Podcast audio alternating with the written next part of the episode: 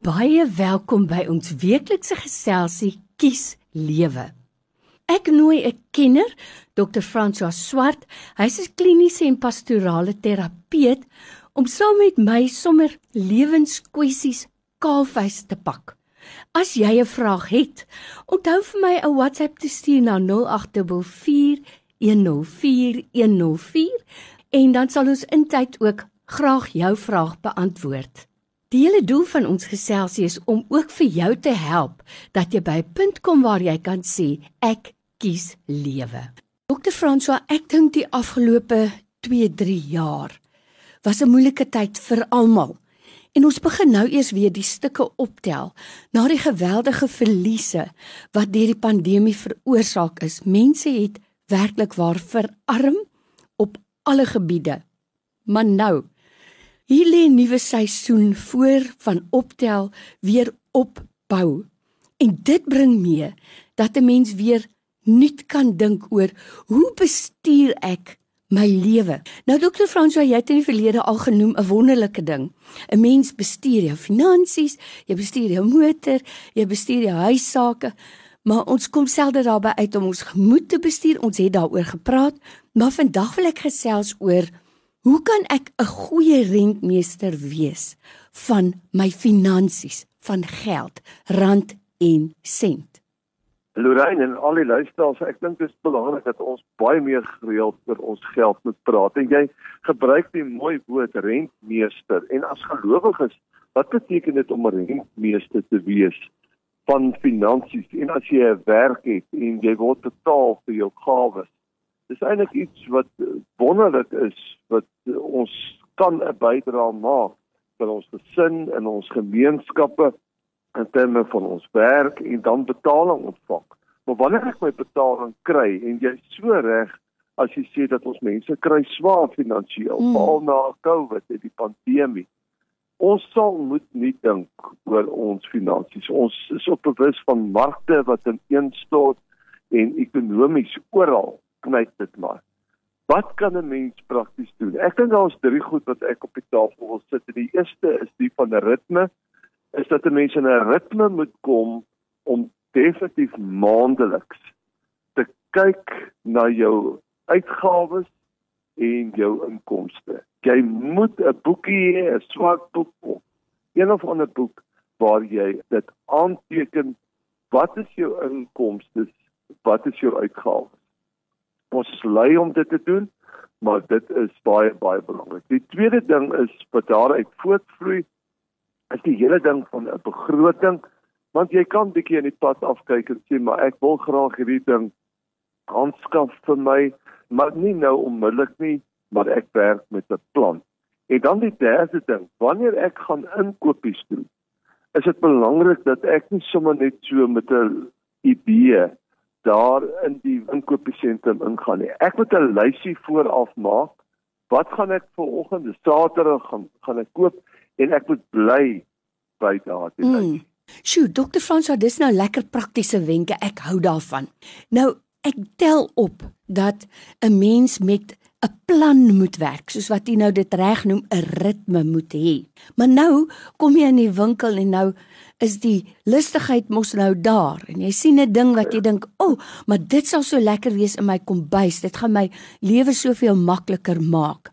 Dis daai klein jakkalsies wat uiteindelik as 'n mens dit aan die einde van die maand bymekaar tel, 'n aardige bedragie is wat jy eintlik kon spaar. So, ek dink dis ook 'n goeie idee om alle strokies van alles wat jy aankoop te hou en maak maar 'n boksie per maand en dan gaan tel jy dit net op net om vir jouself weer te wys wat het ek gekoop en was dit regtig nodig. So lekker praktiese wenke, ek hou daarvan. Dokter François en dan kry ons nou regtig die gevalle waar mense in benarde posisies is. In hierdie tyd het baie werke net eenvoudig sekere poste afgeskaf. So die besigheid het weer begin, maar hulle begin met minder mense werk. Hoe kan ek en jy wat gelukkig is om 'n werk te hê, 'n verskil maak in die lewe van mense met wie dit regtig droewig gaan. Ja, dis 'n uitdaging en ook as gelowiges het ons 'n verantwoordelikheid Ek het nou vanoggend het ek ook in my stilte tyd met Galasiërs 6 vers 2 gewerk rondom die hele gedagte van dra mekaar se laste. Mm. Daardie opdrag wat ons kry wat Paulus as hy werk in die gemeente van Galasië. So ons kan nie maar net 'n blinde oog draai nie. En in ons beplanning, in ons geld, in die manier byvoorbeeld hoe rein hoe ons ons kos bestuur. Nog 'n ding wat ek dink 'n groot invloed het op ons begroting is die hoeveelheid wat ons eet. Mm. Is dit regtig nodig dat ek so 'n groot bord kos moet eet na ouderdom 40? Baie keer moet 'n mens dink, maar kan ek nie regkom met 'n klein bordjie nie? En dan as ek kos maak en daar bly kos oor, daar is nogal navorsing gedoen hoe baie kos ons weggooi. Ja. En dat 'n mens baie meer planmatig ook sal werk met jou beplanning rondom jou kos. Jy kan geweldig baie goed spaar. Dis hoekom ek net nou melding gemaak het van 'n lysie wat vir jou ook sal weerhou dan daarvan dat wanneer daar goed goed geadverteer is, jy by 'n winkel kom en dit lyk tog so lekker en mooi dat jy vir jouself sê ek wil nou gedissiplineerd wees. Ek het nie regtig dit nodig nie. Ek is doelgerig hier by die winkel. Ek bly by my lysie en dan ook die hoeveelhede en ek moet maar werk met my tappeware en goed goed met 'n vries uh, as ek nie alles nou kan opeet nie en as daar kos oorbly dan moet ek weet dit is kos wat ek ook kan gee van hulle wat sukkel.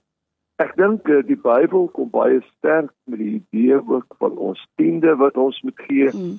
as jy 'n salarisstrekker nog is moet jy altyd vir die Here vra. Is daar nie net een persoon in wie jy in 'n maand 'n verskil kan maak. En jy kan 'n kospakkie gaan koop, sien noodwendig finansies wat jy vir daai persoon kan gee nie, maar jy kan ten minste vir hom 'n kospakkie gaan gee en iewers in jou familie kan jy in jou gemeenskap kan jy 'n groot verskil maak. Ek gesels vandag weer met dokter François Swart. Hy's 'n kliniese en pastorale terapeut En ons praat met jou oor hoe bestuur ek my finansies. En vir my so mooi Dr. Francois as ek nou dink aan Galasiërs 6, daar in vers 6 staan dit, ons moet ook nie vergeet nie om die persoon wat ons met die woord bedien ook van tyd tot tyd te seën met dit wat ons het. Ten slotte Dr. Francois, Ek dink hierdie pandemie het vir ons almal geleer ons kan met minder klaarkom as wat ons gedink het. Ons hoef nie elke dag vleis te eet nie. Vrugte en groente is in elk geval goedkoper. Dokter Franso, ek dink dikwels wanneer 'n mens 'n nuwe, kom ons sê, implement wil koop, byvoorbeeld vir 'n kombuis, kyk eers of jy nie by iemand een kan leen nie, 'n goeie vriend of 'n vriendin en sê, "Wie ek wil kyk of ek regtig die ding gaan gebruik." En jy kan miskien selfs ooreenkom om dit teen 'n klein huurfooi te doen, maar om eers te kyk of jy dit regtig gaan gebruik, anders koop jy dit en jy sit met nog 'n wit olifant in die huis. Dit is so waar, uh, Lorraine, en ek dink ons luisteraars kan inkoop daarmee.